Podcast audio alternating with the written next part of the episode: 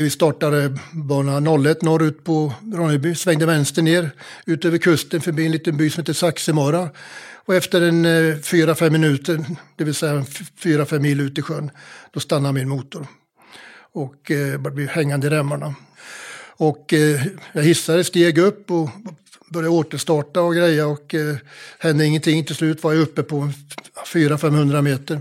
Och då började färden neråt igen då. Ja, och tänkte att eh, här ska inte jag vara kvar. Utan då bestämde jag mig snabbt för att nu ska jag bli fallskärmshoppare.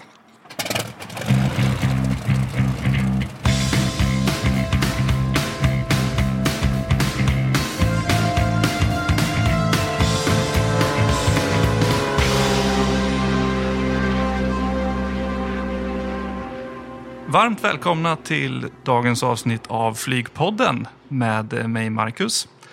Och då har vi fint besök med oss. En, en legendar bland stridsflyg, Alf Ingesson Thor. Varmt välkommen! Ja, tack för det. Du är en legendar ju. Ja, det får väl andra bedöma. På gott och ont i så fall. Ja, det är bra. Tack för att jag får vara här. Det sp- spöregnar idag, men vi sitter i fantastiskt fina lokaler på Flygvapenmuseet. Ja, Och här är, du, du går som barnet i hemmet här. ja jag är oftast gärna här och hjälper till med olika varianter faktiskt. Ja. Så vi får passa på att eh, tacka Flygvapenmuseet också för att vi får låna deras eminenta bibliotek och konferensrum här. Och ditt namn dyker upp i den här branschen, minst sagt kan man säga. Det är flera som har hört av sig till, till oss och sagt att eh, Alf borde vara med, ni borde intervjua honom. Ja, det är ju trevligt. Man har ju varit med några år nu också. Man är ju inte 60 längre. Så att man... eh, eh, ja, 1967 började jag i flygvapnet som flygelev. Men även innan dess så var jag flygpojke, Ja. som det heter, på Malmen här. Ja, Jag är född i Mjölby. ja vi är båda östgötar. Ja, jag, jag brukar inte vilja berätta det för mycket, men, men så är det varje jag fall. brukar skryta om det. Ja, du vet, varje gång jag åker från Mjölby då kör jag så sakta som möjligt, för jag älskar att se det, det försvinna i backspegeln.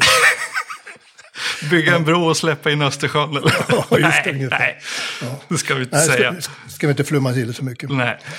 Men, eh, nej, men du, får gärna, du får gärna berätta lite. Du har berättat för mig att du varit intresserad när du såg alla tunnan som flög. Ja, ja. Nej, men jag kan börja.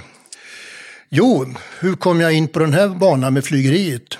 Är man född i Mjölby på 50-talet, man säger inte Mjölby, men Mjölby låter lite bättre, så var man van att se flygande tunnan, draken, lansar, alla typer av flygplan flygande kors och tvärs över Mjölby som skulle till Malmen eller till Hästholmen, till skjutfältet bland annat. Och det här såg man ju redan som en liten pojke vid två, tre års åldern. Så man blev liksom präglad ungefär som en kyckling på sin hundsmamma ungefär. Så att eh, det var ju att läsa Biggles, modellflygplanbygge, kasta sig ut med en låtsasfallskärm från vedboden, slå sig halvt fördärvad och så vidare. Cykla tre mil till F3 bara för att ligga i banändan och se på startande och landande flygplan. Vil- Vilken ålder är du i här? Sånt där som, ja, Ja, barn gör. alla gör som är intresserade.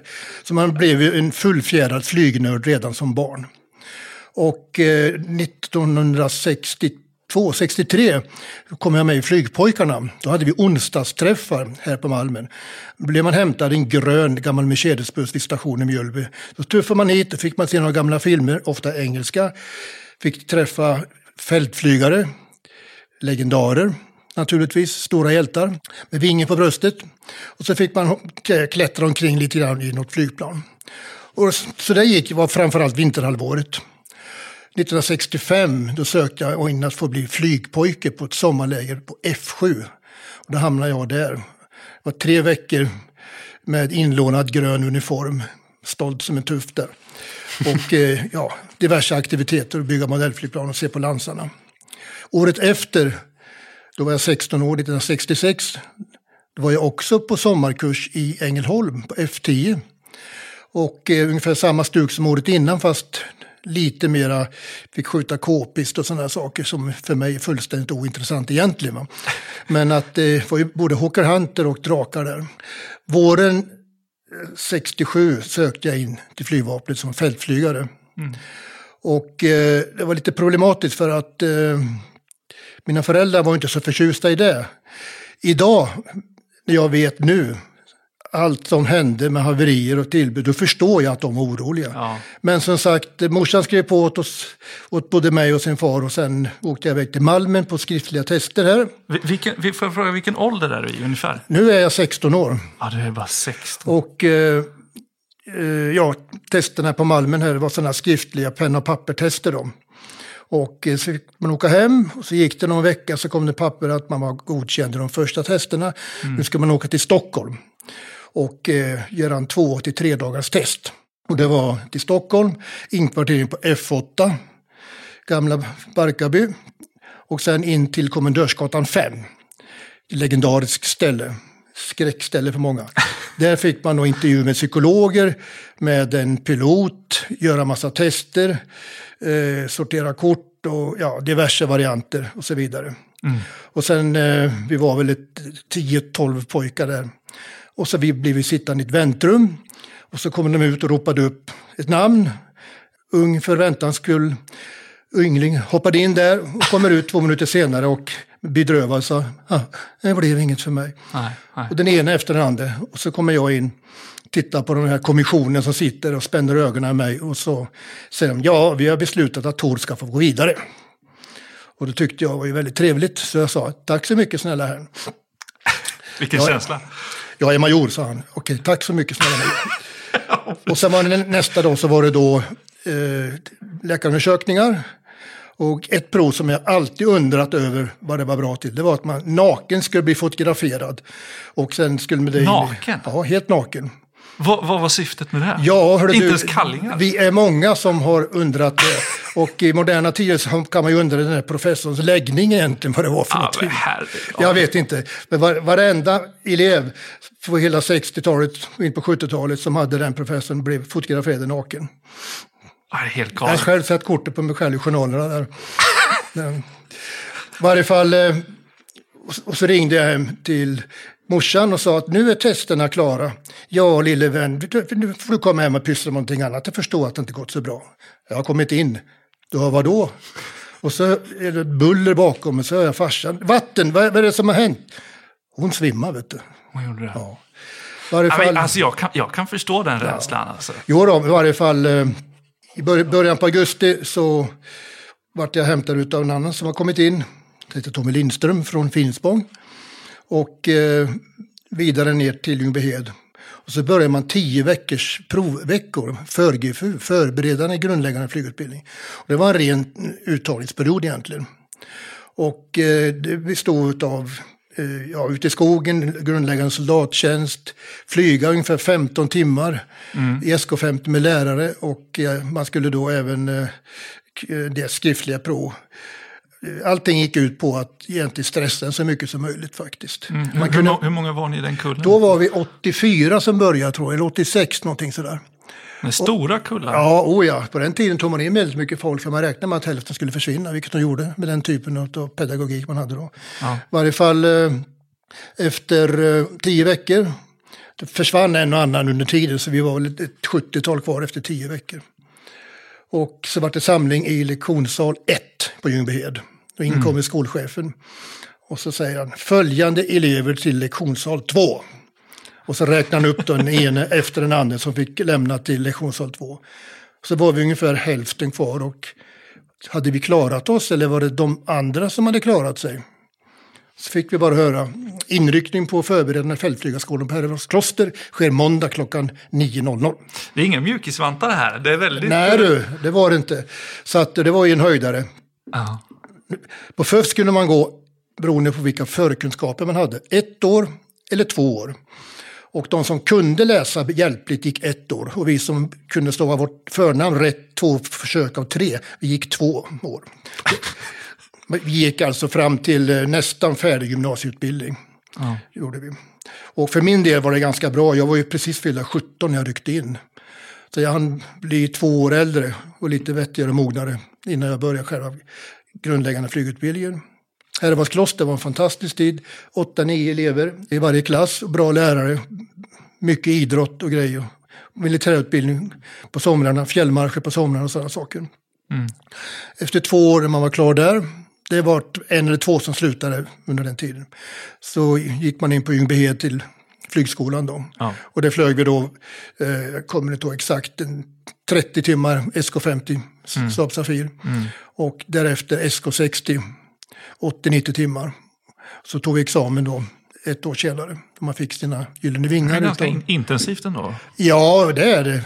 Och eh, det gick ju, folk försvann ju med jämna mellanrum. Vi var väl ett eh, 40 som började då. Hälften av oss, 20 stycken, var ju tvååringar på FÖFS och hälften var ju de som har kommit ett år senare och gått ett år på FÖFS. Mm. Och vår kategori heter 693, det betyder att vi var den tredje kullen som började 69 på grundläggande flygutbildningen. Mm. Men det gick ju folk då och då. Det, på en lektion kunde det knacka på dörren och så kom det in en värnpliktig, tittade på vår lapp och sa eh, flygelev Andersson till skolchefen. Då visste man att flygelev Andersson eh, nästa gång man ser honom säger att dra gröna faran som en stor vagn kallades för. Så man låg alltså en utrustning man ska gå ner till förrådet och lämna in. Okej, okay. det var tack, tack och hej då? Ja, ungefär ja. ja. Och vi var väl 23 eh, som tog examen så småningom, utav de 40 drygt som ryckte in. Det är ingen riktig pedagogik som hade gått hem idag? Nej, det är det inte. Idag är det ju 1975 skedde en stor sak. Någonting med OKAF, Operation kvalitetshöjning och flygförarutbildningen. Men eh, då ganska fruktad kapten Palle Johansson, sedermera bytte namn till Folke P Sandahl och blev en underbart fantastiskt duktig människa i pedagogik. Och det var han som började se till att lärarna ska försöka göra piloter av eleverna mm. och inte bara försöka decimera antal elever. Nej. Förr var det också så att på 60-talet att lärarna hade kanske sex elever. Och för att få en vettig utbildningssituation så sparkade de tre efter några veckor och behöll tre stycken. Och de som slutade kunde vara bättre än de som fick vara kvar hos en annan lärare. Så det var ganska godtyckligt. Eh, så var det i varje fall. Men sen har ju avgångarna minskat drastiskt och antalet elever har minskat också. I slutet på 60-talet så var det totalt med alla eh, officersaspiranter, fältflygarelever, strilelever, meteorologaspiranter och så vidare, nästan 300 elever. Mm. 1988 när jag kom tillbaka, om vi hoppar ett steg fram, som flyglärare i några år, då var det totalt 40 elever ja. flygskolan. En rejäl och en helt annan inställning. Man kunde lägga all sin tid på eleverna och eh, coacha fram dem. Man var eh, kompisen, farsan och föregångaren och ge ett bra föredöme. Man kunde ge sig tid att lära sin elev att flyga. Och då var avgångarna nere i 10-15 procent. Mm. Var det någon, oftast kanske var frivillig, som märkte att man inte riktigt passade för det där. Då. Nej. Men i varje fall, Jo, var, efter examen så hamnade jag på F17 Ronneby. Och eh, jag ville till lansen, jag ville till attacken, men jag blev först uppsatt på Draken. Och eh, mera för att eh, Uppsala hade en centraliserad typinflygning på Draken. Det var lite mer uppföljning på eleverna där. Och eh, jag var det för sig ett väldigt bra flygbetyg, men jag var också eh, känd för att hellre slå in dörrar, slå in öppna dörrar ibland. Va? Jag var inte speciellt smidig alla gånger. så att de tyckte väl att det vore bättre koll på mig med att på Drakenförband. Men så var det en av kompisarna som var uppsatt på lansen men inte ville till Ronneby. Så vi lyckades få till ett byte. Så jag hamnade i varje fall till slut på attacken på Ronneby. Mm. Och det flög jag då ett antal år, så småningom till eh, Luleå.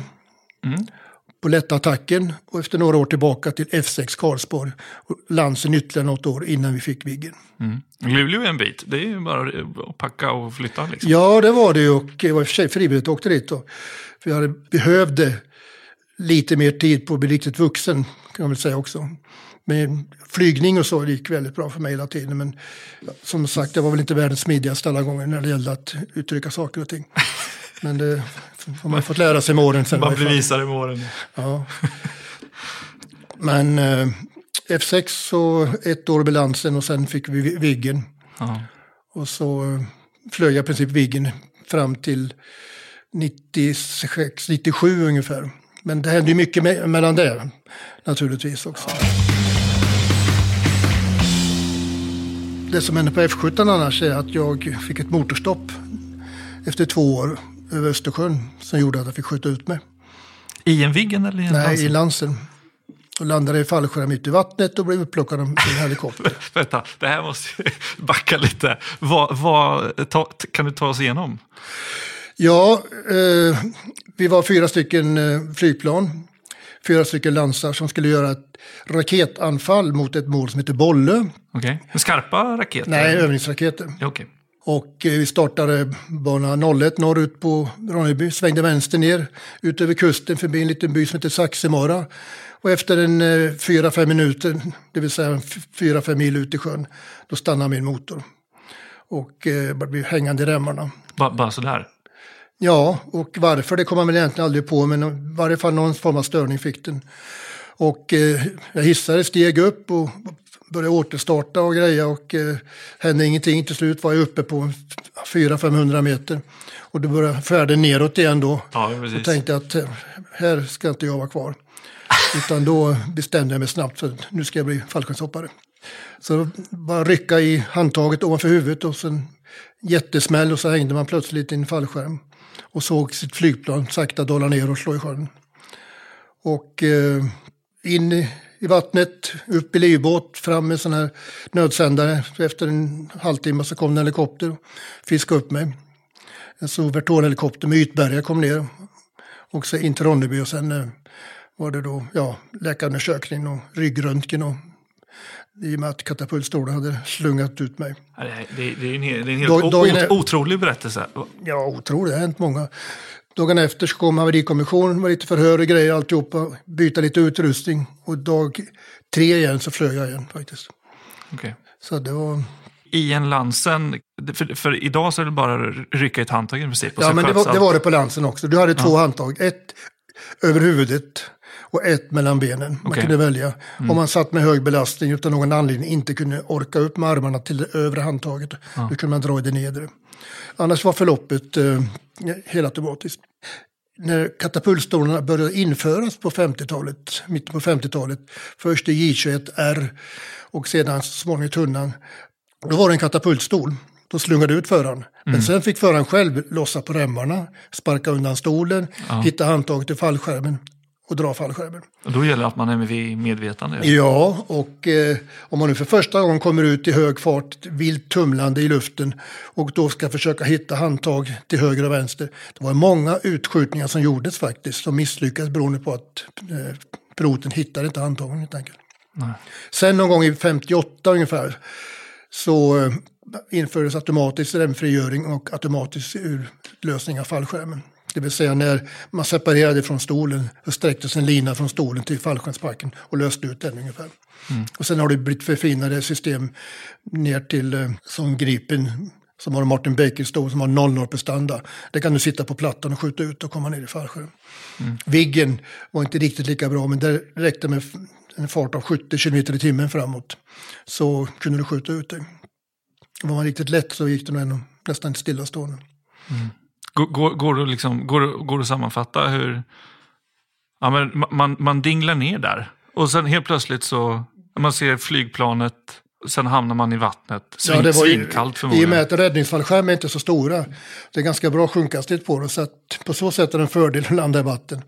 För att eh, landar du på land och inte är van vid det, är det väldigt lätt att bryta ett ben. Eller bryta en fot eller någonting. Och mm. det är inte bra. Men det var plumps ner i vattnet och sen har man ju övat många gånger tidigare från parasail och ifrån eh, ja, båt, att dragga och bli av med fallskärm och sådana saker. Skillnaden var när man kör parasail, när man drar upp med en båt en stor fallskärm och så kopplar loss den så sjunker man ner sakta och gör det med handgreppen man ska göra för att lossa på remmar och alltihopa. Då går det ganska sakta. Mm. Och i, i verkligheten sen så går den här fallskärmen mycket fortare.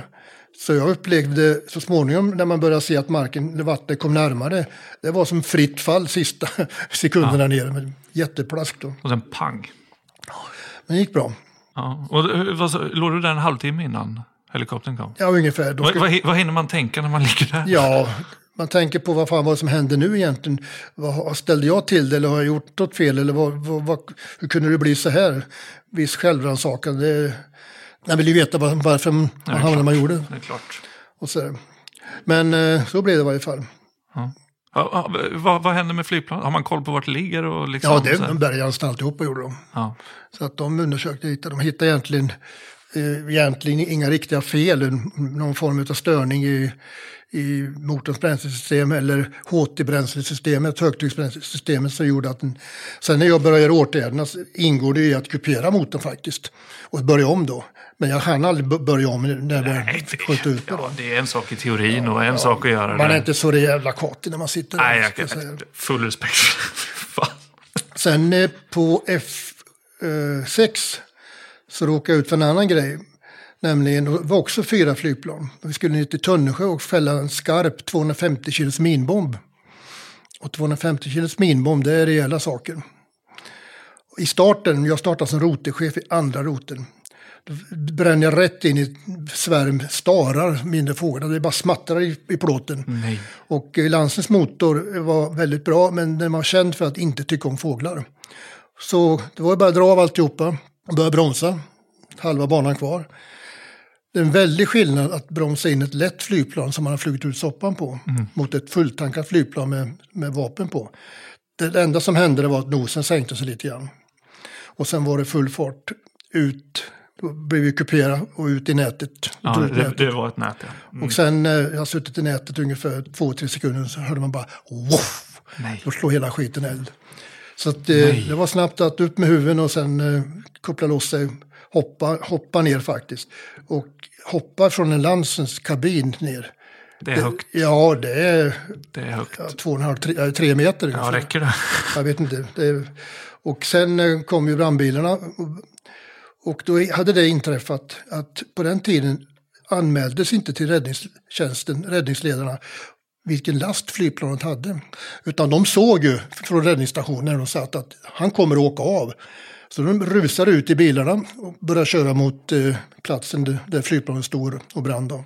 Och på den tiden hade man, hade man gamla rörradioapparater som tar en minut innan de kommer igång.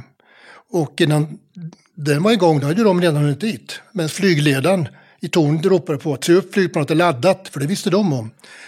Och eh, de började på att spruta grejer där och det som hade hänt var ju att eh, bromsarna hade tagit eld när jag gick genom nätet så gick eh, vajern, den nedre delen, över bromsarna och slet av ledningarna som då sprutar varm hydraulolja ut på magnesiumfälgar. Som, eh, magnesium det brinner utan syre så det är ju ganska rejält. Ja. Och eh, jag höll på där, som var uppe och letade efter mig också. Och jag var framme och sa här är jag, här är jag. Så sprang jag tillbaka en bit ut. Och eh, så småningom så lyckas vi få fram ett besked att den är laddad. Och så missuppfattar räddningsledaren att ja, alla ställer sig bakom flygplanet. Ja, men det är en bomb, den smäller åt alla håll. Ah, men shit. Längre än så hann jag inte, för sen kom det ner en, uh, ytterligare en civila brandkåren då. Då hade det brunnit i tio minuter nu. Ah. Och även en uh, liten valp, reservambulans, som svängde runt det. Och jag hoppade in i den. Och just när jag hoppat in i då lyfte den sig flera meter iväg och far fram och slår i, i ban, bankanten där. Då hade bomben smält. Flygplanet gick i småbitar 50 meter upp ner. Som tur var så blev det inga väldigt allvarliga skador. Det blev, eh, räddningsledaren fick en del skador. En värnpliktig fick ett öga skadat faktiskt. I övrigt så gick det ganska bra. Och det, är Fan, alltså, vilken tur. det är alltså en riskzon på 500 meter normalt. De stod ah. 10-15 meter ifrån där. I varje fall, så det var... Ja, inte nog att bomben är där, den är också fulltankat flygplan med. Ja, exakt. Så det brann ju bra. Gjorde det. Innan det, så, med min tid i Luleå, så uh, jobbade jag som sjöflygpilot uppe i fjällen. Ett litet bolag som hette Nordair. Nordaero. Det var två piloter och två flygplan. Och vi körde eh, turister, vi körde lappar, vi körde eh, fiskar. På hösten körde vi älgkött och grejer. Jag jobbade i två sommar. Första sommaren hade jag en Cessna 206. Och eh, jag var hämtat upp fyra eller fem passagerare vid en sjö som heter Aureträsk vid norska gränsen. Så i starten upp mot ett svagt stigande stenigt fjällsida så stannade motorn. Och eh, fick landa rakt fram. Eller landa och landa, vi följde rakt fram. Flottörerna tog värsta smällen. Vi slog runt, kana på rygg alltihopa. Ingen blev skadad och det gick att krypa ut genom det helt demolerade bakkroppen alltihopa. Total haveri. Skälet till det visade sig sedan vara flagor i, i bränslesystemet. Som okay. i sin tur kommer från de jeepdunkar Vi, hade ju, vi flög med väldigt tunga laster så vi tankade ju bara för några flygningar i stöten. Så vi hade på nästan alla ställen där vi brukar vara några dunkar med soppa liggande då, så vi kunde skvätta i 25 liter här och 50 liter där. När haverikommissionen undersökte dunkarna så var det ju flagor i botten på dem. Nej. Men det skulle ju gå bra för vi hade ju sämskinn. Som, ja, och som, bränslefilter. Som också var hål i. Ja, okay. Mm. Men att, till slut har det blivit så pass mycket i den här kärran så att filtret, fem utav sex stycken sådana här direktsprutrör var tydligen mer eller mindre blockerade. Och det blev liksom den sista grejen, den starten, att det, det sög in och sen stannade det. Ja. Dagen efter så blev jag skjutsad till en grannställe uppe vid Adolfsnäs och hämtade en mål i M4, en, lite, en annan sjökärr som vi hyrde in då.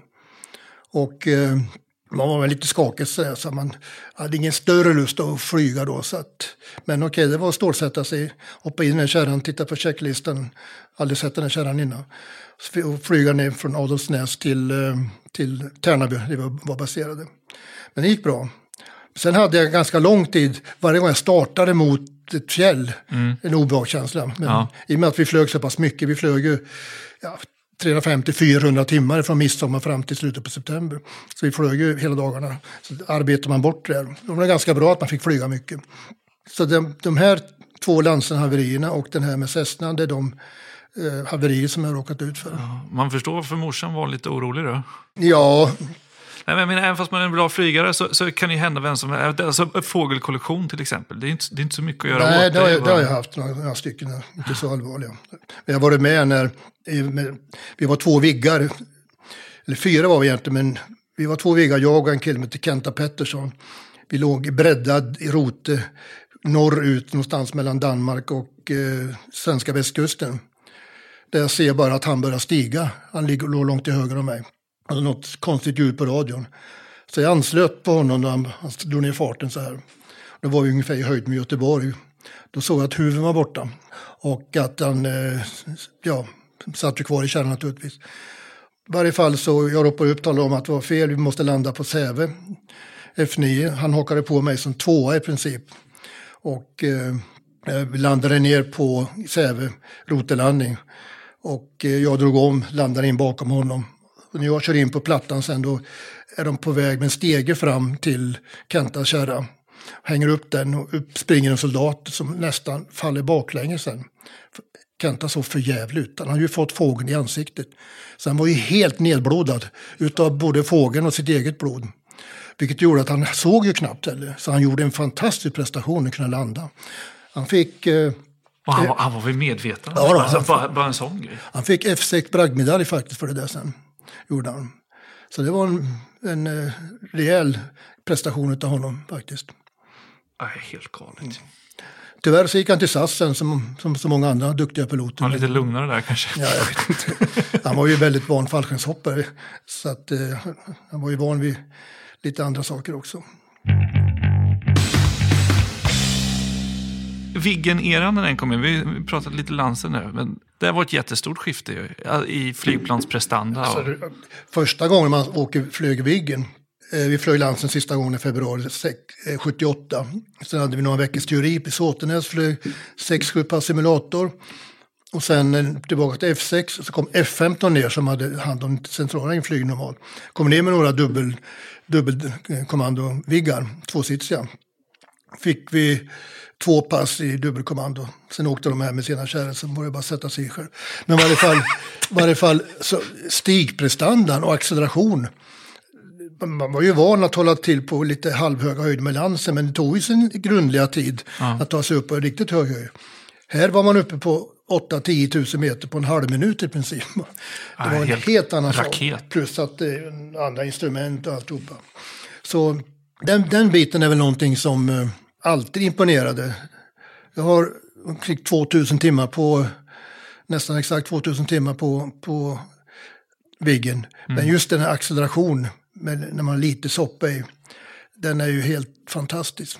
Mm. När vi flög mörker på målet ute på Hammaren ute i Vättern då, De låg i varvet där. Man hade lite soppa kvar när sista raketen hade gått, man var kanske rotig. begärde man få stiga till 12 000 meter. Och så axade man på en Mach 09 och så tände man upp och så steg man rakt upp. Så kunde man se rotekompisens 10-15 meter långa låga sakta, sakta bli mindre och blåare. Höjdmätaren står som en, en, en propeller i, i mätaren ungefär. Och ungefär på en 6-7 tusen meter så lägger man sig på rygg och släpper efter till 0G. Då, då åker du, så är du tyngdlös. Ja. Så åker du rätt upp i rym- rymden och där du ser hela Sydsverige med fint väder åkandes där i tyngdlöst tillstånd. Närmare en Space Shuttle än det, det kommer du inte. Nej. Och sen på 12 000 meter så planade man ut, drog tre, fyra snabba halvrollar och eh, landade in på F6 så gick man därifrån och så sa man ja fan jävla skitjobb någon måste göra det här också. Ungefär. Ja, Men, men det, det var sådana grejer. Sen var det många tråkiga saker också. Vi hade sex omkomna på fem år på F6. Vi hade ett kollisionshaveri 83, vi hade två stycken som är eh, nästan överljud i mörker. Gick i backen utanför Skö- Skövde i Ranstad. Vi hade ett i samband med robotanfall uppe i Söderhamn. Som gick i vattnet, en som gick i isen utanför Såtenäs. Och eh, ja, det var de sex stycken där. Och det, det var, en, var en jobbig tid faktiskt, men eh, det ja. var bara att spotta i näven och varje gång man var med om och såg sådana grejer då tänkte man "Nej, nu, nu lägger jag av med detta. Men man satte en flygmaskin två, tre dagar senare igen och eh, flög vidare. Men går, går det liksom att, alltså för, för oss dödliga som aldrig har flugit stridsflyg, för, går det liksom att komma ner på backen och sen sätta sig i en bil och liksom tycka att det här, är- det här är också okej? liksom. Va- det, blir, det blir sådana kontraster till allt annat nere på, i verkligheten. Allting blir ju, med bra träning som vi har i flygvapnet och med, med erfarenhet av vana så blir man blir van vid den miljön också. Jag vet de gånger man hade en, en eh, tvåsitsig Viggen ibland nere på F6 och man flög någon passagerare, någon, jag flög en ganska tuff fallskärmsjägare en gång. Riktigt sån här legendar inom den världen. Han skulle få åka ett pass Viggen då. Och då gjorde jag som vi brukar göra, vi kallar det för Lisebergspasset. Ja. Startar, går, går ut, lite lågflygning, några minuter, tänder upp, bränner upp till 10 000 meter, kör tre, fyra halvrollar, några branta svängar och så landar ner då. Va? Han sa inte ett smack. Nej, Det var inte mycket till den. Nej det är bara hem och lägga sig. Ja, ja, men det, så det, det är ju lätt. Egentligen ganska korkat. Det är hur lätt som helst att flyga en person sjuk i en flygmaskin som inte är van. Ja, ja. Däremot på Landsentiden hade vi ofta armékadetter som kom och skulle vara med en vecka och flyga med. Och de blev ju konstant sjuka. Jag minns ett tillfälle på F17 nu är vi tillbaka. Att deras kurschef, en ganska så kaxig armékapten, han skulle åka med mig då. Och det var någon sån här bombfällningsövning man körde runt olika varv olika anfall. Det blir ganska jobbigt efter ett tag. Han mådde ju riktigt jävla illa. Och sen när vi landade så sa han, säg ingenting till mina kadetter, säg ingenting till mina kadetter. Nej, jag ska inte säga någonting. Och så gaskade han upp sig lite grann och så gick han in på division och sa, ja grabbar, det var det, för ingenting. Lätt för en gammal armékapten. Ljög så det slog dunster om det, vet du. Jag sa ingenting. Så det har varit mycket sånt där. Ja, och sen, sen efter så eh, utbildade du till flygpsykolog. eh, Och, eh, Ja, det har väl en del att göra med mitt intresse för mig själv och olika tester, DMT-tester som jag varit med om. Och eh, framförallt de haverier och omhändertagande som var efter det. Så jag började egentligen läsa pedagogik. Eh, dels lite i Uppsala när jag gick eh, sådana här obligatoriska kurser. Jag gick sån här konverteringskurs mellan kompaniofficer och regementsofficer. Då 86 ja. Och sen eh, skulle min kära hustru, hon skulle bli jurist fick hon för sig. Och det skulle hon bli i Lund. Så det var ju bara att följa med då. haka på. Och då eh, ansökte jag om att bli flyglärare. Och det blev jag. Och samtidigt så fick jag frågan ifrån eh, flygöverläkaren då, Janne Linder och några av psykologerna på uttagningskommission om jag var intresserad av att läsa psykologi. Jag hade nämligen jobbat som fackintervjuare under många år. Sån här pilot som sitter och är med och intervjuar, som jag beskrev tidigare, uppe på uttagningskommission. Jag tyckte det kan väl vara intressant. Det, var ingen som var där tidigare. Däremot hade vi på den tiden flygande läkare som var piloter. Och vi hade ingen eh, pilot som är psykolog. Nej. Att göra en psykolog av en pilot, det är inga problem. Men att göra en, en pilot av en psykolog, det är ofullständigt omöjligt. I varje, varje fall så, eh, 1990 så började jag min psykologutbildning, fem och ett halvt år i Lund. Eller fem år i Lund och sen ett års praktik på sjukhuset i, i Linköping, universitetssjukhuset. Och jag flög hela tiden på alla övningar alltihopa. Så att värre än så är det inte att läsa psykologlinjen utan man kunde gott flyga rätt mycket mm. ändå. För du har ju ändå gått den gamla skolan, om man säger, från, eh, från Ljungbyhed-tiden. Ja. Och sen så har det blivit lite mer, eller mycket mer pedagogiskt. Ja, det var en helt annan värld. Hur, hur, hur har det påverkat eh, psykologin hos piloter? Och... Ja, idag så är nog eleverna väl omhändertagna från första början. Mm. De, man eh, umgås idag på flygskolan med eleverna på ett helt annat sätt. Man äter fika på samma ställe, man klär om i samma omklädningsrum, man är du med varann och eh, man är kompisar, äldre och yngre kollegor. Medan på min tid på Ljungbyhed så var det separerade omklädningsrum, fika aldrig tillsammans. Man sa inte du till någon där. Det var anmälan med honör efter varje flygning och sådana saker. Och kritiken bestod oftast i att var läraren tyst och var det bra. Annars hade man bara ställt till det. Så att säga. Nej då, så det var en väldig skillnad. Sen efter eh, 1996 så började jag då på flygmedicin. Flygmedicinska sektionen som det hette då på, på eh, flygsäkerhetsavdelningen i Stockholm. Och det blev jag kvar egentligen eh, i eh, ända fram till pension, fast i olika befattningar, olika delar. Och arbetet där består egentligen främst att vara ett stöd till eh, piloter, att hjälpa till när det var jobbigt. Det kunde, behövde inte vara jobbigt i tjänsten, det kunde vara jobbigt socialt med skilsmässa och barn och Ehm, ja, vad som helst. Men då kunde jag utgöra stöd. Man gjorde tjänstbarhetsutredningar för att titta efter om vederbörande är på rätt ställe, kanske ska omplaceras, börja någonting annat och man deltog i haverier. För min del så var det inte så mycket haveriutredningar eh, på central nivå, utan jag var mera den som stöttade divisionerna, divisionscheferna. Det är väldigt jobbigt för en divisionschef att råka ut för haverier. Mm. Han sitter i timglas, han ska serva haverikommissionen och chefer uppåt. Han ska själv sköta sina grabbar nedåt. Och eh, mitt i alltihopa så sitter han ganska ensam. Mm. Så det är ett stöd vi försöker genomföra. Sen har det varit mycket utbildning på central nivå. Man utbildar piloterna i olika kurser. De går ju rotechefskurser, det går gruppchefskurser, divisionschefskurser, flygchefskurser.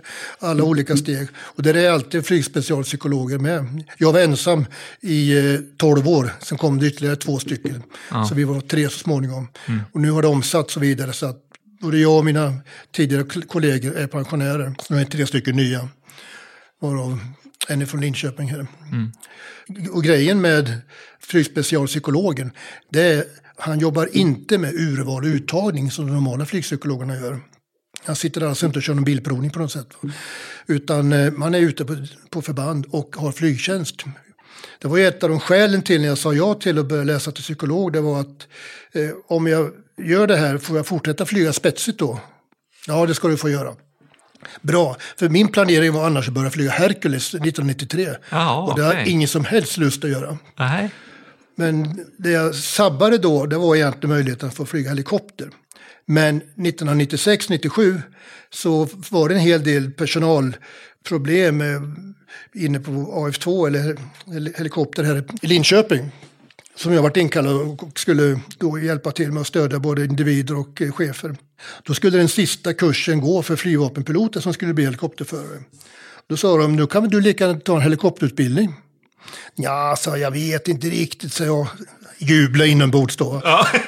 Alternativet var att fortsätta flyga Viggen då som lite halvgammal pilot. Men att det fick jag i och för sig göra ett tag till ändå. Så att det var ju bara att eh, svara ja på den frågan. Så att då gick jag, blev två elever. Jag och eh, en eh, tidigare chef, god vän Lasse Hillestrand som bor i Linköping. Han och jag var de två enda eleverna.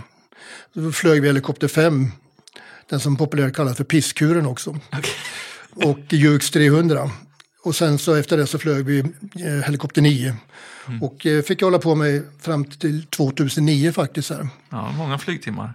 Ja, jag har väl ja, knappt tusen timmar helikopter. Ja.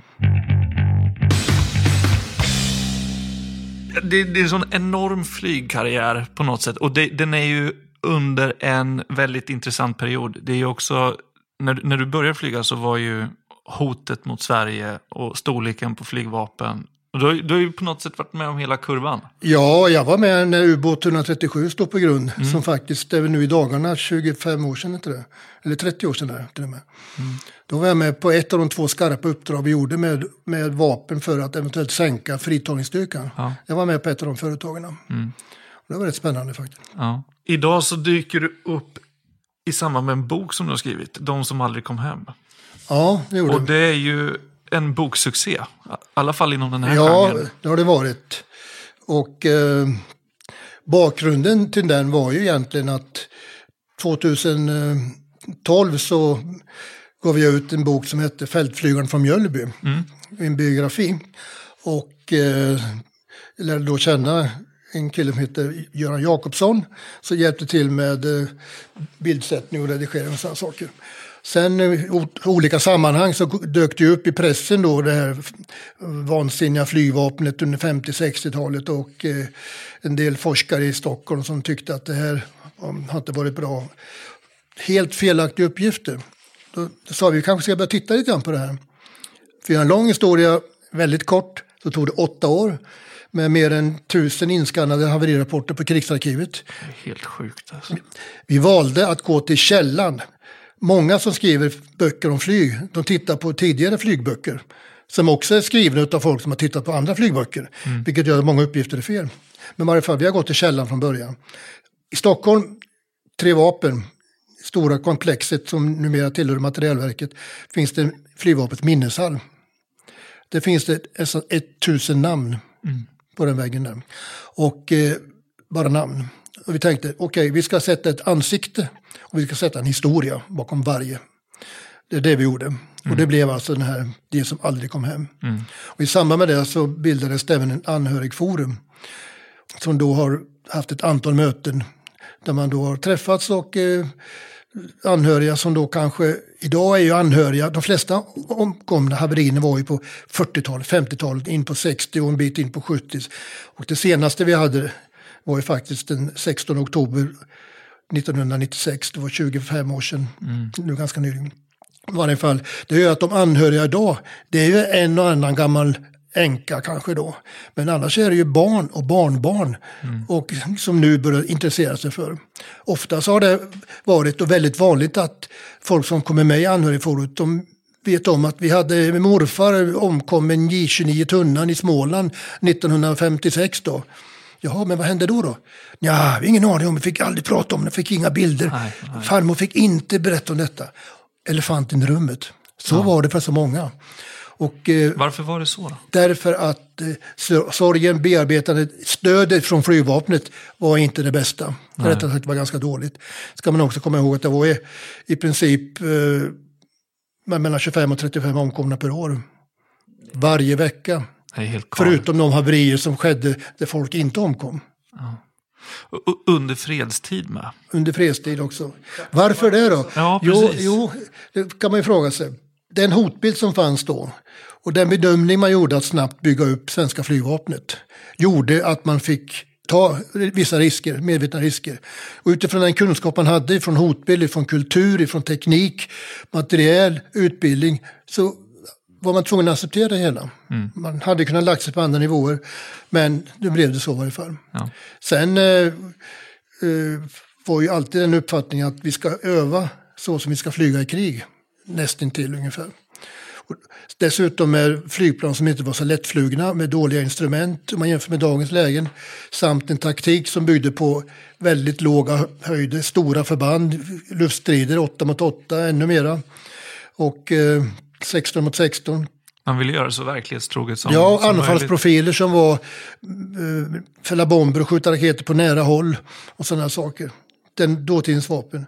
Det skiljer mot idag när du nästan inte alls behöver öva tight jaktstrid. Du har vapen som du kan skjuta på långt håll. Du behöver inte ligga på lågan och flyga. Du har ett om, flygplan som flyger sig själv, ett fantastiskt. Gripen är nog, inte nog, det är världens bästa flygplan i sin klass faktiskt. Mm. I alla kategorier. Vilket gör att du kan lägga all energi på omvärldsuppfattningen. Man, du vet ju själv, man ser var alla andra är, man ser bränslet, man ser helt annan värld. Va? Mm. Vilket gör att vi kan tillsammans med bra utbildade piloter så kan vi hålla siffrorna där de är då. Mm. Men eh, vi har också i den här boken inte försökt göra bedömningar med 2019-2020 års ögon. Utan har, som jag sa tidigare här, vi anser att de beslut som togs då utifrån den värld de levde i, de var korrekta. Det var en annan tid. Det var en annan tid, man måste ha klart, det, det är väldigt mm. klart för sig. Det är den boken. Men det, det, är ju nästan, det kommer en del två också. Ja, vi håller på med del två. Ja. Den här första delen handlar om omkomna under kalla kriget 1946 till 1989. Och eh, efteråt tänkte vi göra en del till som handlade om övriga haverier under samma period. Men då fick vi väldigt mycket förslag på men ta andra dödshaverier också, flygvapenstil. Så nu har vi gjort 1926 till 45 och 1990 och fram till nu, eller nu, 2007 och mm. två helikoptrar kolliderade nere i Ryd utanför Jönköping, eller utanför mm. Ronneby. Så vi har skrivit det mesta nu. Nu håller vi på med hjälp av mina Göran, eh, eh, enormt kunnig, fantastiskt kunnig. Jag är hyfsat kunnig, men en sak har vi gemensamt, vi griper oss inte på, på statistik. Alltså har vi två stycken sabare, Thomas Lilja och eh, Björn Rydstedt, som hjälper oss att räkna. De är ju ingenjörer. Ja. De begriper sig på hur man gör diagram och sådana saker. Mm. Ja, helt blå stämmer väl inte, men det är mycket bättre om folk som kan det hela hjälper till. Så där har vi haft god hjälp från dem, och har god hjälp också. Ja.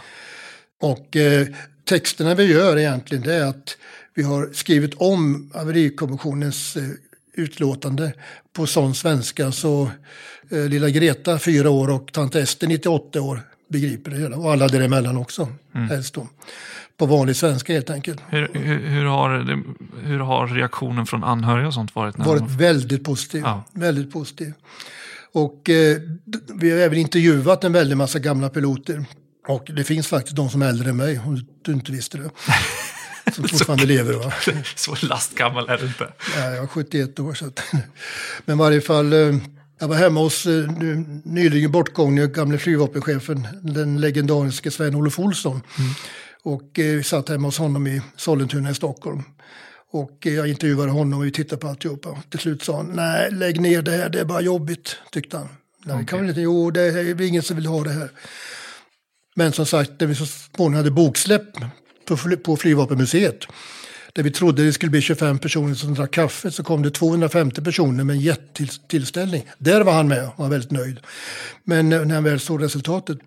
Men eh, jag märkte det att alla de här äldre officerarna som har haft höga befattningar, ja. generaler, överstar, de verkade känna någon form av dåligt samvete fortfarande för det här och ville inte riktigt bli påminda. Nej. Medan alla mera vanliga besättningsmän, navigatörer, signalister och flygförare, som mera vanligt fotfolk som jag själv då, tyckte att det var väldigt intressant. Ja. Men de har ju ändrat sig de här gamla generalerna också, men det fanns fortfarande spår av ansvar på något sätt. Ja, det, de kanske kände att de, de pressade för hårt. Ja, det, det, jag tror det.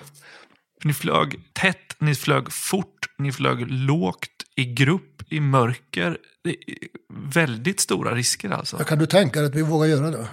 Ja, men det är helt, ja, men det är helt Nej, sjukt. Men att, om jag tänker tillbaka på Lansentiden, när man drog iväg med fyrgrupp mitt i natten ute vid Östersjön.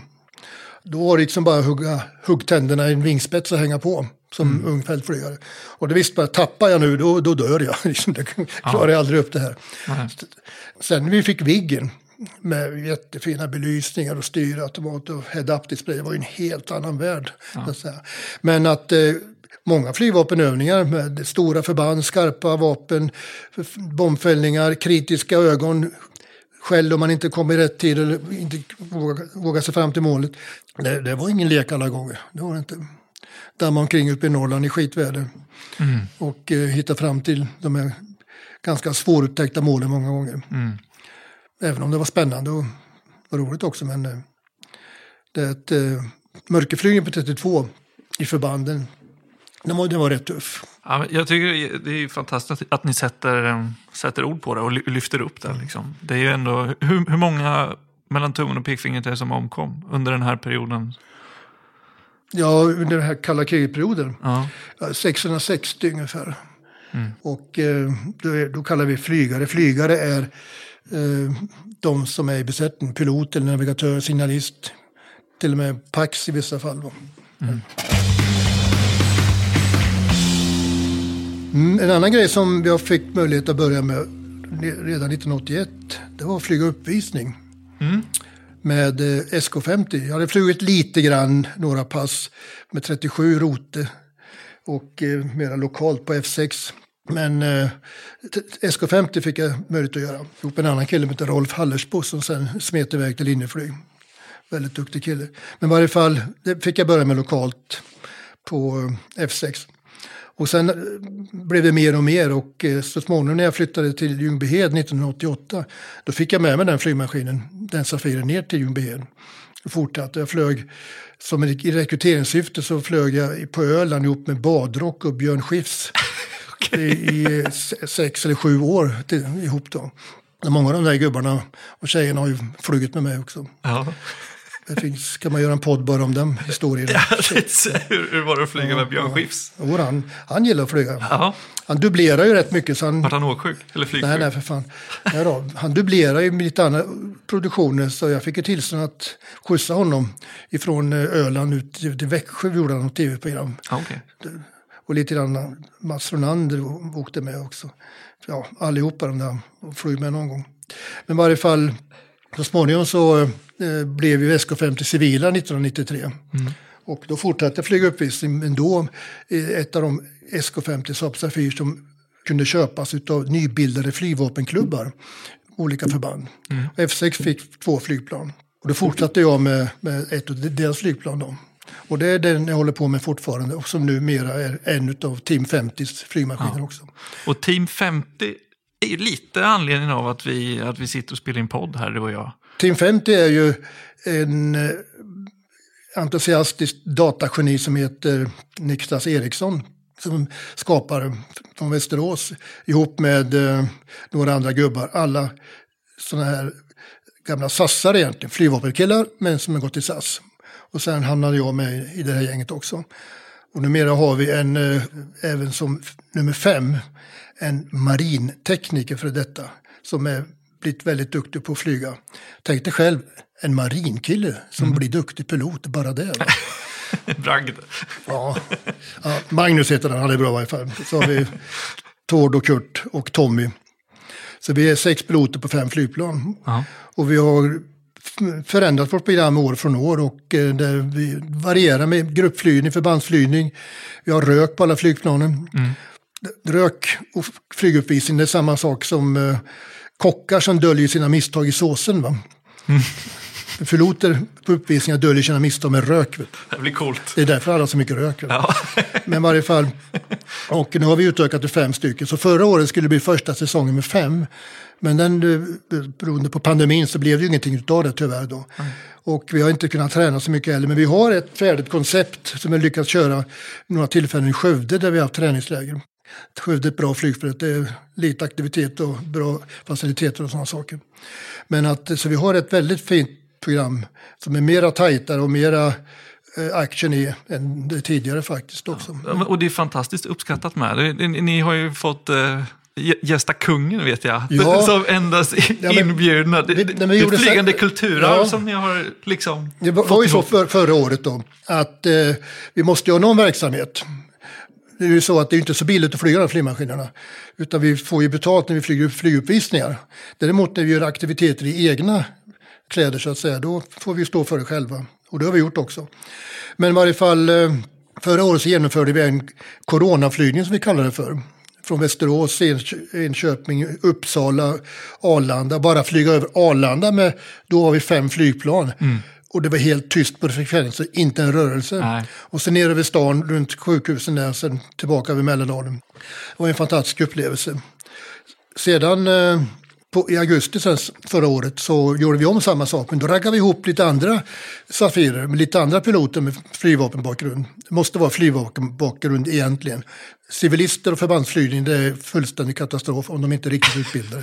Då, då, då blir det inget förband, då blir det skockflygning. Men, men då, ska jag inte skicka in ett CV. ja, nej då, men eh, idag är det ju utbildningar, civila utbildningar på förbandsflygning, så idag finns det många som är rätt duktiga. Ja. Men i varje fall, då var vi nio stycken. Ja. Och eh, då flög vi nere vid Göteborg, sjukhusen där, landade på Säve med viss publicitet där och sen tillbaka via Landvetter och upp till, eh, till Skövde igen. Vi utgick från Skövde då. Flygvapenchefen, ställföreträdande flygvapenchefen Anders Persson åkte med för att kontrollera att det gick rätt till. Jag åkte längst bak, så han åkte med, vilket var hedrande för oss. Samtidigt så tycker flygvapnet att det är kul att det finns varje fall några förband som kan verka i flygvapnets kläder och eh, lite grann representanter är vi för flygvapnet Ja, faktiskt, visst. när vi är gamla flygvapenpiloter allihopa. Det är en fantastisk representation ju. Sen eh, fick vi då i år möjlighet att, eh, rättare sagt, det, det började egentligen med att en gammal kollega till mig från F6 som så småningom blev istället för ÖB ett kort tag, generallöjtnant Jan Salestrand. Han är kungens stabschef. Det. Så han hörde av sig och undrade, är ni intresserade av att kunna göra någonting vid något tillfälle? Och jag sa ja, om det är kungen som frågar så okej. Men eh, det blir det efterrätt. nej, så var det inte. Det var ju naturligtvis väldigt hedrande då. Ja. Men att, eh, och då genomförde vi den på hans 75-årsdag med start och landning på Skå-Edeby i Stockholm. Och då var vi, sex flygplan var vi. Och där även eh, brigadgeneralen Anders Persson åkte med mig den gången också. Och eh, det var ju lite roligt för att det var ju lite tv-inslag på detta och lite andra saker också. Samtidigt så hade ju kungen, jag tror det var 75, 76 förslag från olika organisationer som ville uppvakta honom. Men han ville inte ha en uppvaktning med corona och alltihopa. Så han sa nej till allihopa, utom oss. Det gick bra för vi kom på tusen fot över honom då. Men eh, han var intresserad och tackade så pass mycket. Och, och vi blev bjudna till slottet 14 dagar senare. Delar av Team 50, alla kunde inte följa med. Och på kaffe och kaka inne på den privata delen på slottet. Det var hedrande faktiskt. Det var riktigt kul. Sen, sen har vi gjort en hel del sådana här, ibland har vi varit själv, varit ute och gjort enskilda uppvisningar, ibland med tregrupp och sådana saker. Beroende på vad kunden vill ha och Ja, sådana saker också. Så vi har haft aktiviteter de här två åren. Jag gjorde väl enskilt, jag har väl jag gjort 2021, ja, inte många, jag tror fyra eller fem uppvisningar. Ja. Ett, ett väldigt fint och graciöst flygplan, Saab Safir, tycker jag. Ja, visst är det. Allting Saab gör är ju vackert. Ja, så. exakt. Jo, så är det ju. Men det, är- det är ju en, eh, ja, men så här, en, en gul Safir mot en blå himmel är ju en sån en klassisk svensk Ja. flygvision. brukar köra på, har gjort vid några tillfällen i Karlsborg. Bland annat var väl förra året tror jag det var på men de har två, svenska flaggans dag. Klarblå himmel, solen från rätt håll. Och så gör en looping Ja. med knorr, med rök. Det är alltså en gul kors som åker upp i himlen och gör en hjärta och kommer ner igen. Det, det, var, det var inte tänkt att det skulle bli så, det bara blev fantastiskt bra bilder på det hela. Ja, det är Och klart. det har vi fortsatt med att göra ett hjärta då och då.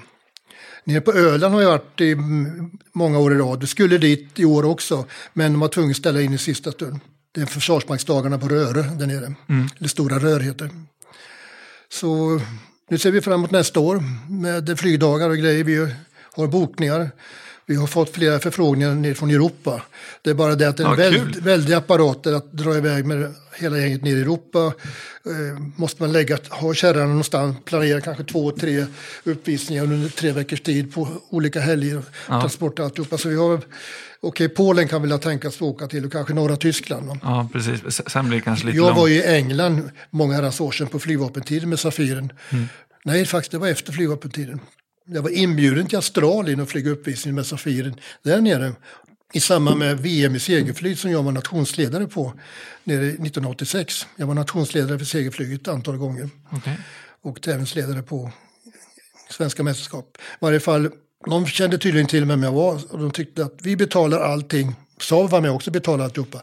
Om vi får skeppa ner flygvapnets gula Safir där. Flygvapnet sa ju blankt nej till det. Men när jag väl kommer ner till Australien finns det en Safir i Melbourne Ja. som Saab sponsrade med Saabs logga på.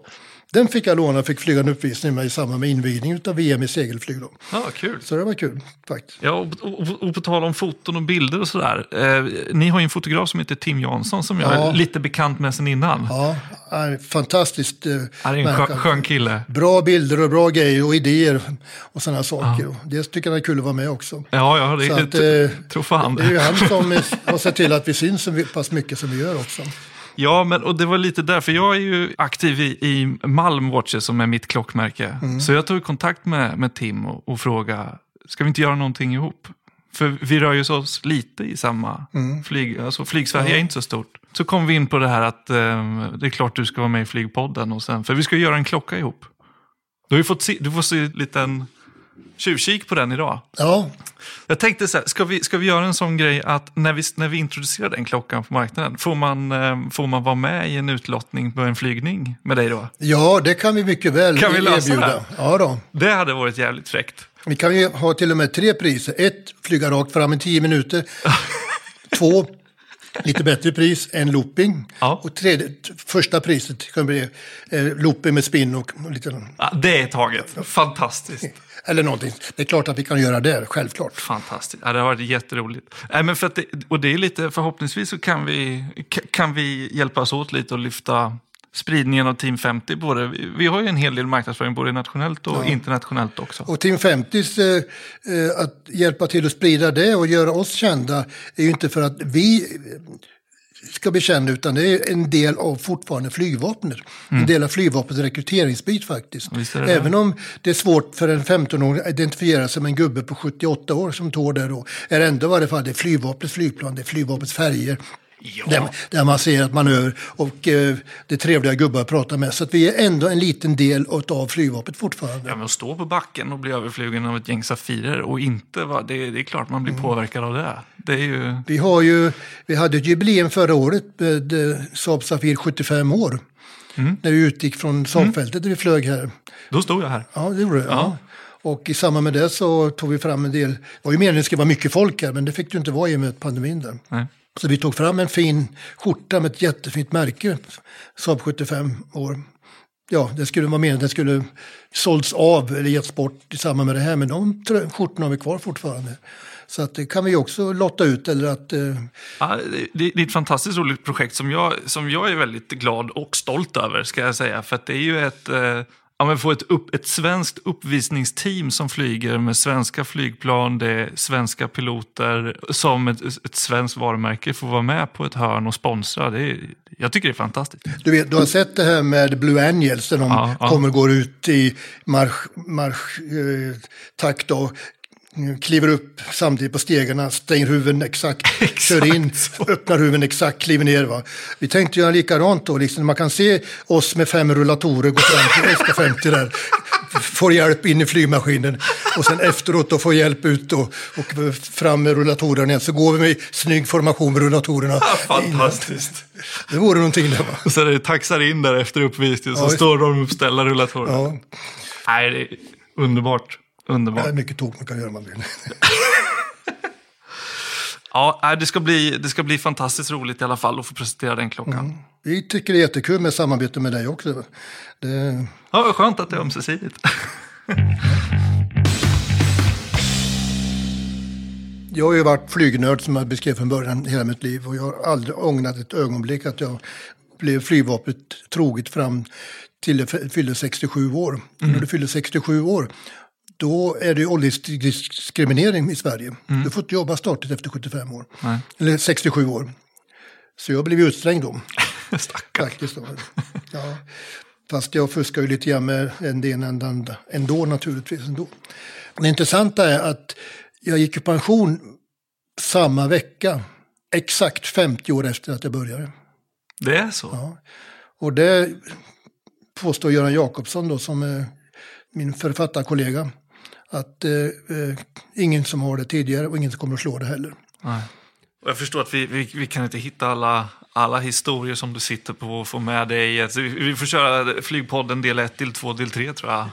Det är intressant, Flygpodden bör ju inte bara innehålla flygbitar, det finns ju andra bitar också. Ja, visst. Det, en stor grej som jag har gjort är ju faktiskt tsunamin.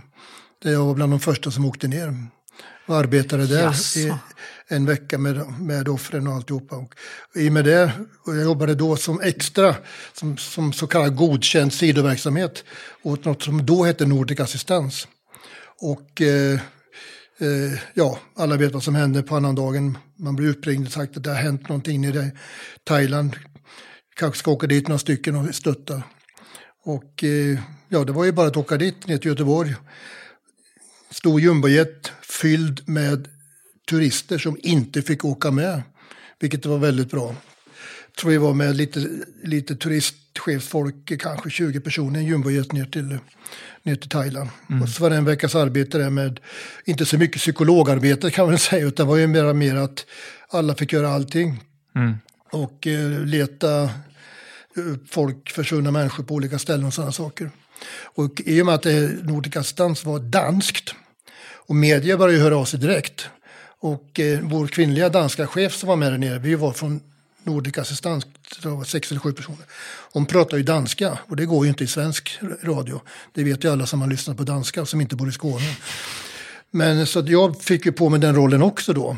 Att eh, försöka serva tidningarna hemma vad som hände och alltihopa. Förutom vi som åkte ner första dagen så var ju svenska pressen, de var ju som flugor på honung. De var ju där direkt också. Men i varje fall, så det blev en hel jobb med det också. Sen blev det även hjälp med att samordna flygvapnets insatser där nere. Ja. Och sen åkte jag hem och sen åkte vi ner, jag och min fru Cecilia. Vi, vi var tillbaka sen som eh, volontärer på e- ledig tid i eh, antal månader och jobbade och eh, tog hand om de som kom ner för att se de platser deras kära hade försvunnit på eller de som var kvar där nere och behövde stöd. Dessutom hjälpte vi till vid hemsändningsceremonier, sådana saker. Mm. Och eh, som vi hade vid Puckets flygplats där. Och det det är inget roligt att stå jämte fem stycken barnkistor som ska skickas hem. Nej, jag tänkte säga det. här. Vi, vi, vi är lite olika ålder du och jag. Jag är ju barn under den här, när det här hände. Men jag har ju kompisar som Ja, var med, ja. men klarade sig, men som förlorade föräldrar och syskon. Och... Går det liksom att landa i där man fick se? Liksom? Ja, det, det, det är klart det tar på alla inblandade där. Det, det vi gjorde faktiskt, jag och min fru Cecilia, att alla skulle skänka pengar till en det ena än det andra och snabbt så blev det ju liksom en fulmarknad på det där att folk säger att hjälp mig köpa ny eh, fiskebåt och sådana saker. Så, att, eh, så vi människor vi lärde känna där nere så erbjöd vi en ung flicka, 18 år gammal, att eh, komma hem till Sverige ett år och eh, plugga och läsa svenska. På våran bekostnad alltså. Då. Och det gjorde vi. Och hon kom hem, det var ett år och sen var hon tillbaka i Thailand och tillbaka igen i Sverige. Och eh, lång historia kort, hon bor i Karlsborg idag, utbildad undersköterska och har familj i Sverige. Fantastiskt. Det är kul. Ja, vilken grej. Det, det känns som en fin avslutning på ett eh, fantastiskt fint samtal och en, en mycket rolig intervju. Det har varit eh, otroligt att få lyssna på dig faktiskt. Det, vi, vi som är flygintresserade, det här är ju att få det återberättat, hela flygarlivet från, från hela den här, vad ska man säga, allt från kalla kriget till modern flygtid är ju, är ju superintressant för oss. Ja, tack för att eh, du ville lyssna. Ja, nej, det, var, det är vi som ska tacka. Stort tack för att du var med. Håll utkik efter Team 50, både i sociala medier och, och uppe i luften. Så hörs och ses. Ja, tack. Tack, tack!